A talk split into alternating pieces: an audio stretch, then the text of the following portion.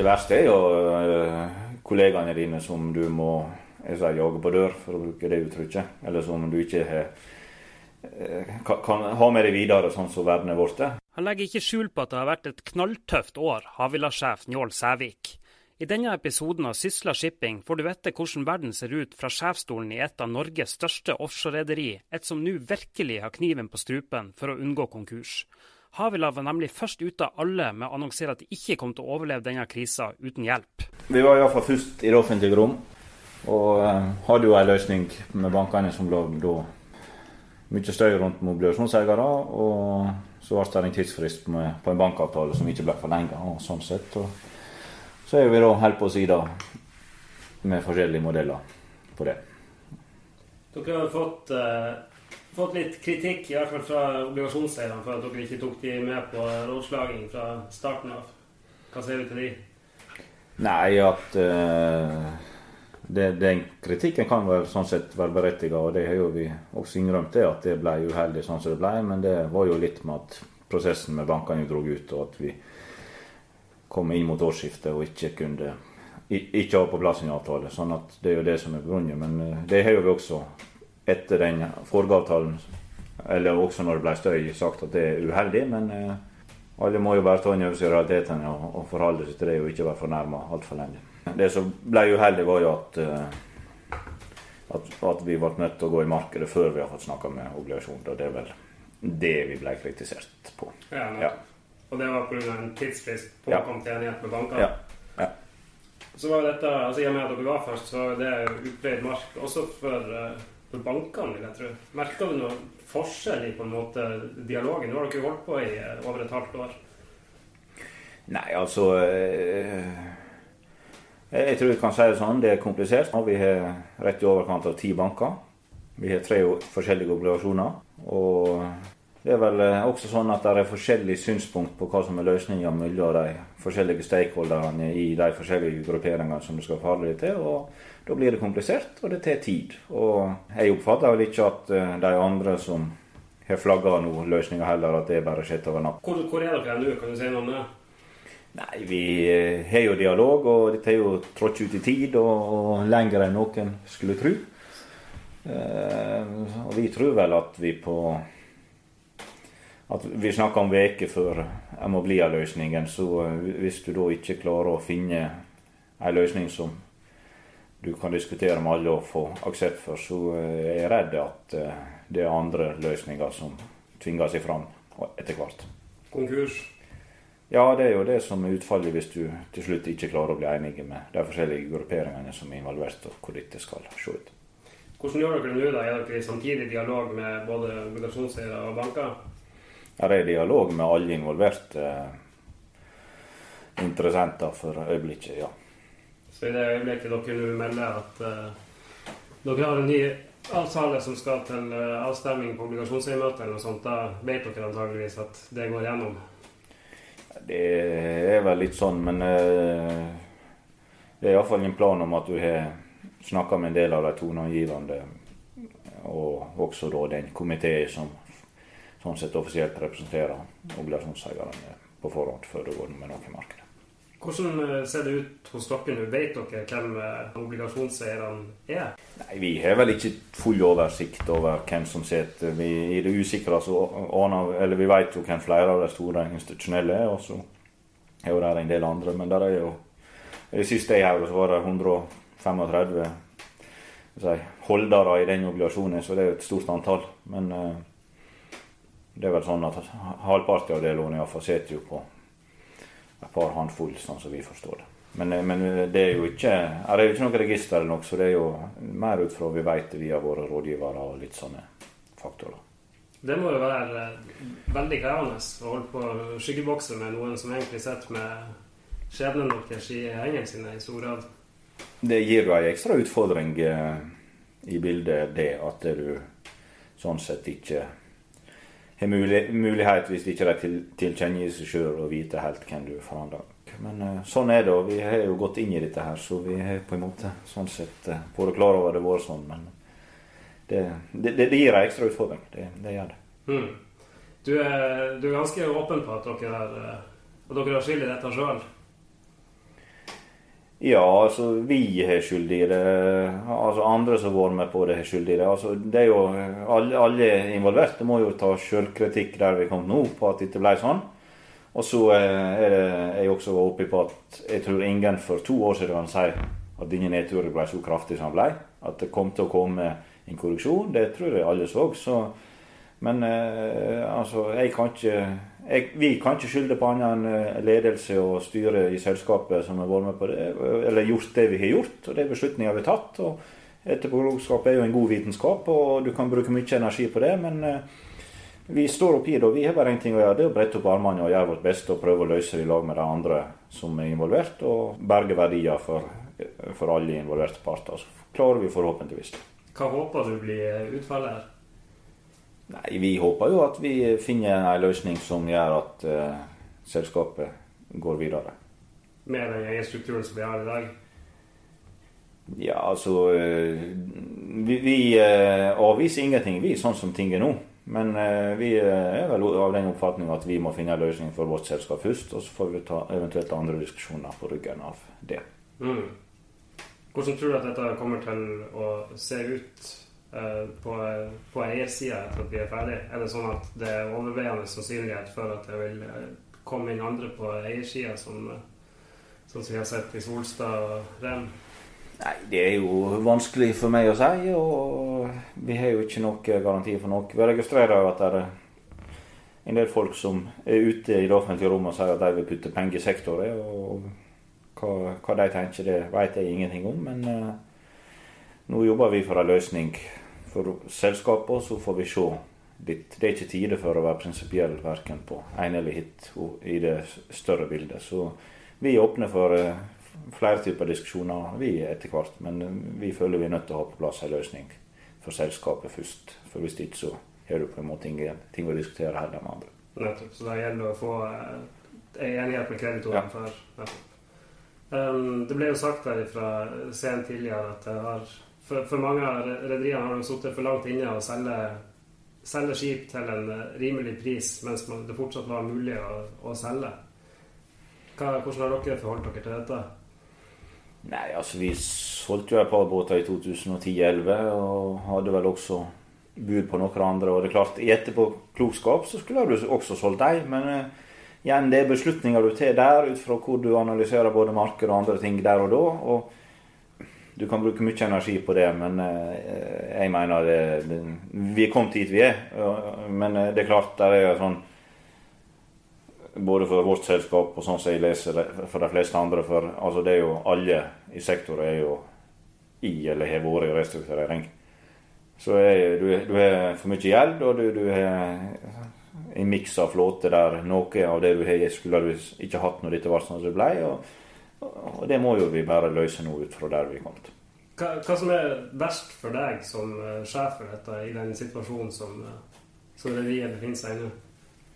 Nei, det verste er jo uh, kollegaene dine som du må sier, jage på dør, for å bruke det uttrykket. Eller som du ikke har kan, ha med deg videre, sånn som verden er blitt. Det, det, er jo det mest trasige. Kompetente, flinke folk som du, du må må si at de får ikke jobbe, jobbe, i selskapet lenger. Det, det, er vel det verste.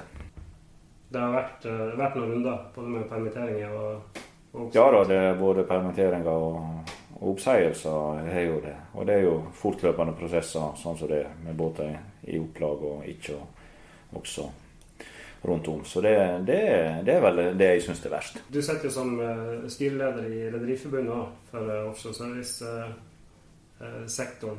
Um, sånn på overordna nivå. Nå hadde vi en, egentlig et rush av båter inn i opplag fra sommeren i fjor og fram til nyttår.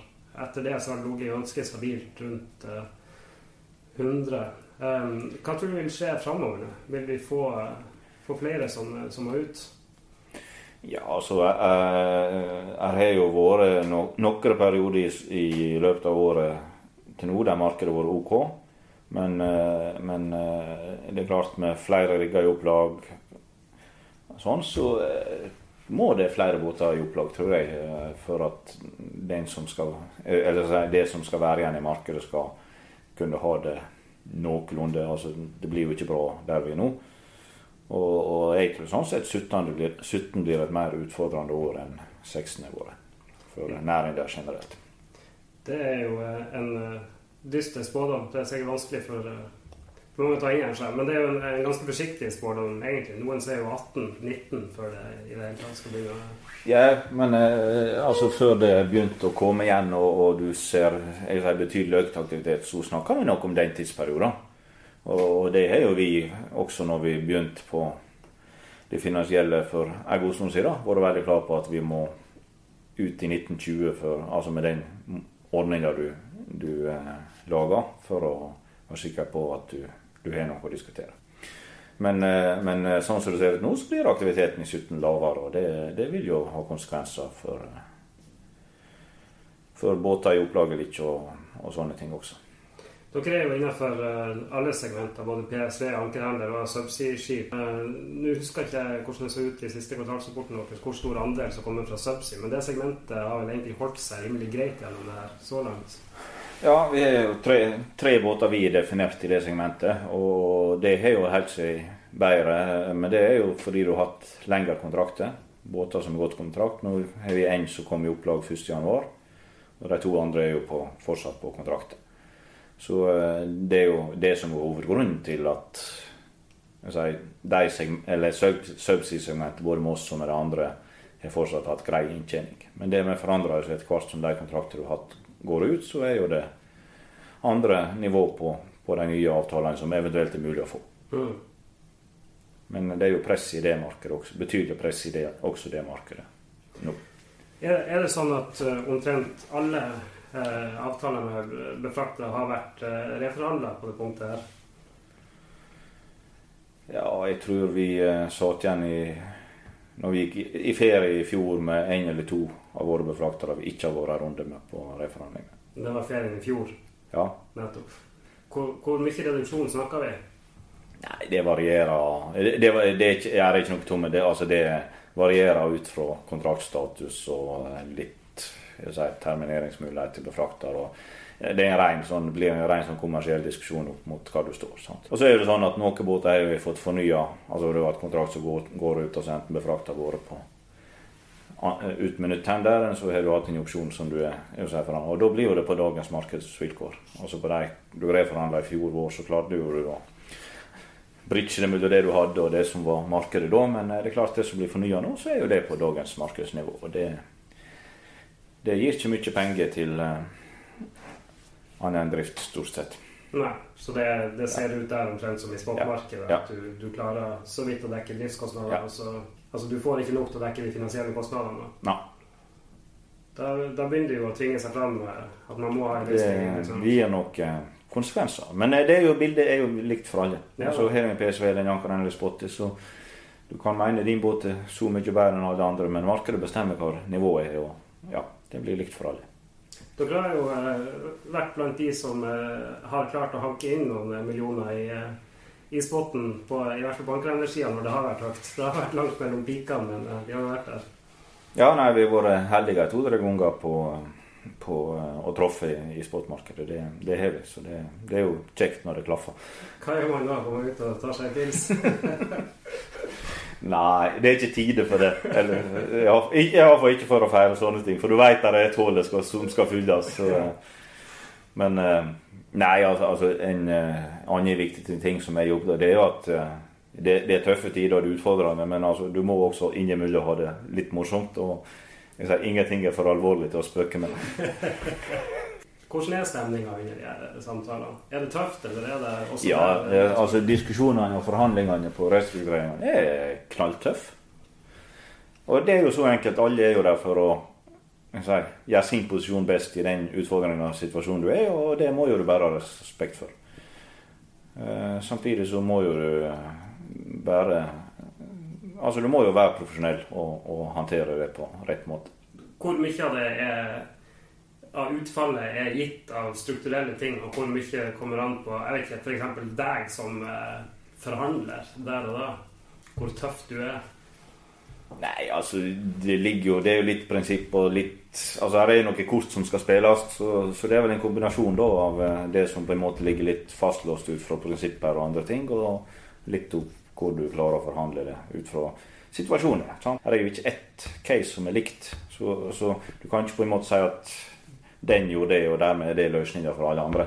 Og Det har vel både DNB og, og GIEK også vært klare på i, i, det offentlige rom tidligere, at det er situasjonen. At eh, du må se selskap for selskap hva som er løsninga, og ikke si at nå løfter vi det for sektoren med den løsningen. Du, De som sier at, uh, at man har bygd for fancy båter, rett og slett. Hva sier du til de? Ja, det kan du nok mene til en viss grad. Samtidig så vil jo jeg mene at i mer normale tider så er jo det det som har vært suksess til det, både de norske rederiene og de norske maritime klynger. Og så kan vi bruke masse energi på å diskutere balansegangen mellom Kall det tenk den amerikanske veien. Billig, billig, eller Østenveien, billigst mulig eh, fit for purpose opp mot teknologi, miljø, balansegang der. sant? Mm. Uh, og Det får du vel aldri svar på, men jeg er iallfall overbevist om at den utviklinga du har hatt på drivstofforbruk, miljøtiltak, en del andre ting fra ca. 2000 til 2014 det er jo det som er grunnlaget for det som var suksessperioden for hele den norske maritime klynga. Og også at si, kinesiske verft og Brasil og andre kom til Norge for å hente teknologien. Mm. Så det er et litt sånn tvega sverd. Og så når du da sitter på handelshøyskole, så passer det selvfølgelig ikke inn i modellene deres. Fordi du, du, du, legger på 50 millioner ekstra med kapital som du aldri kanskje får igjen. Men uh, så men, men også, så, så akkurat sånn, Og det er en fin balansegang. Og så er det, er det, selvfølgelig at du vet jo det at når du bygger en sausebåt f.eks. med 400 tonns kran, så er ikke har jobba 365 dager har du bruk for den 400 tonns kranen. Og så kan du alltid diskutere om det var 10 eller om det er 30 båter med 400 tonns kran som er rett. Og det, det, blir jo litt sånn eh, Så eh, det er nok litt rett at du har vært litt for fancy, men eh, samtidig så er det litt balanse mot den suksessen du har hatt. Og så kan du si at det er kanskje nå har du hatt 50 millioner i snittkost lavere på alle båter, så hadde det sannsynligvis vært tilsvarende gjeld. Så hvis du hadde ti båter, så var det 500 millioner. Men Det er en balansegang som ikke er helt svaret på hva som er, er, rett. Her har man, eh, som du også sa, man har eh, pøst alt av eh, overskuddet inn i nye båter. Um, altså, er, det noen som har gjort det motsatte her i Norge? Det er jo ikke det. Det er jo ingen som sitter med feite balanser og har Ingen feite balanser. Nei, altså i, i etterpåklokskapens så skulle du gjort sånn som Fredriksen gjør i alle selskapene inni. At du henter ut maks utbytte når du kan, og så putter du heller inn litt penger når du står oppe i krisa. Eh, så, så det må jo vi bare ta sjølkritikk på. At eh, er det enkelte som er flinkere å gjøre butikk på enkelte måter enn andre tas. Og eh, altså, i Norge er jo det hele altså hele sektoren er jo i akkurat samme situasjon. Men dere må ha tenkt på noen tidspunkt underveis her at uh, steike, eh, nå renner det inn med penger. Det kommer en regnværsdag. Ja, det, det, har du gjort. Men så er det på en måte blitt dreie litt, og litt at alle, alle, alle, til slutt tror at dette skal bare fortsette. Og det vil jo ikke, og Det vet jo du også innerst inne, og så gjør du av og til litt feil beslutning. Du kunne ha satt på bremsen i 2010, og så har du sittet som idioten i 2013 og vært han som var smart nå. Ja, ja. Det, men dette er balansegang, og det, det, må du bare som leder Le, lære deg å leve med. Så må du stå for de beslutningene du gjør. Og Hvis noen mener de er så feil så, som at det, det skal ha konsekvenser, så må du også eh, tåle det. Jeg kan gjøre én ting jeg nå, og det er å brette opp armene og gjøre mitt beste prøve å finne de løsningene som skal til. Og hvis ikke du finner løsninger eller finner modeller som andre eller andre synspunkt på det som har vært gjort, eller du gjør akkurat nå, så er jo det en del av det å være leder. det. Dette var podkast nummer syv fra Sysla Shipping. Hvis du likte dette og ikke har hørt de andre episodene ennå, tror jeg vi skal være så ubeskjeden og si at du fort kan sette pris på de òg. Greieste måten å finne de på, og samtidig være sikker på at du blir varsla med en gang vi legger ut nye, er å abonnere på kanalen Sysla Shipping. Det kan du gjøre i iTunes, Acast eller podkastklienten på telefonen din. Da gjenstår det bare å takke for nå, så håper jeg vi høres snart igjen.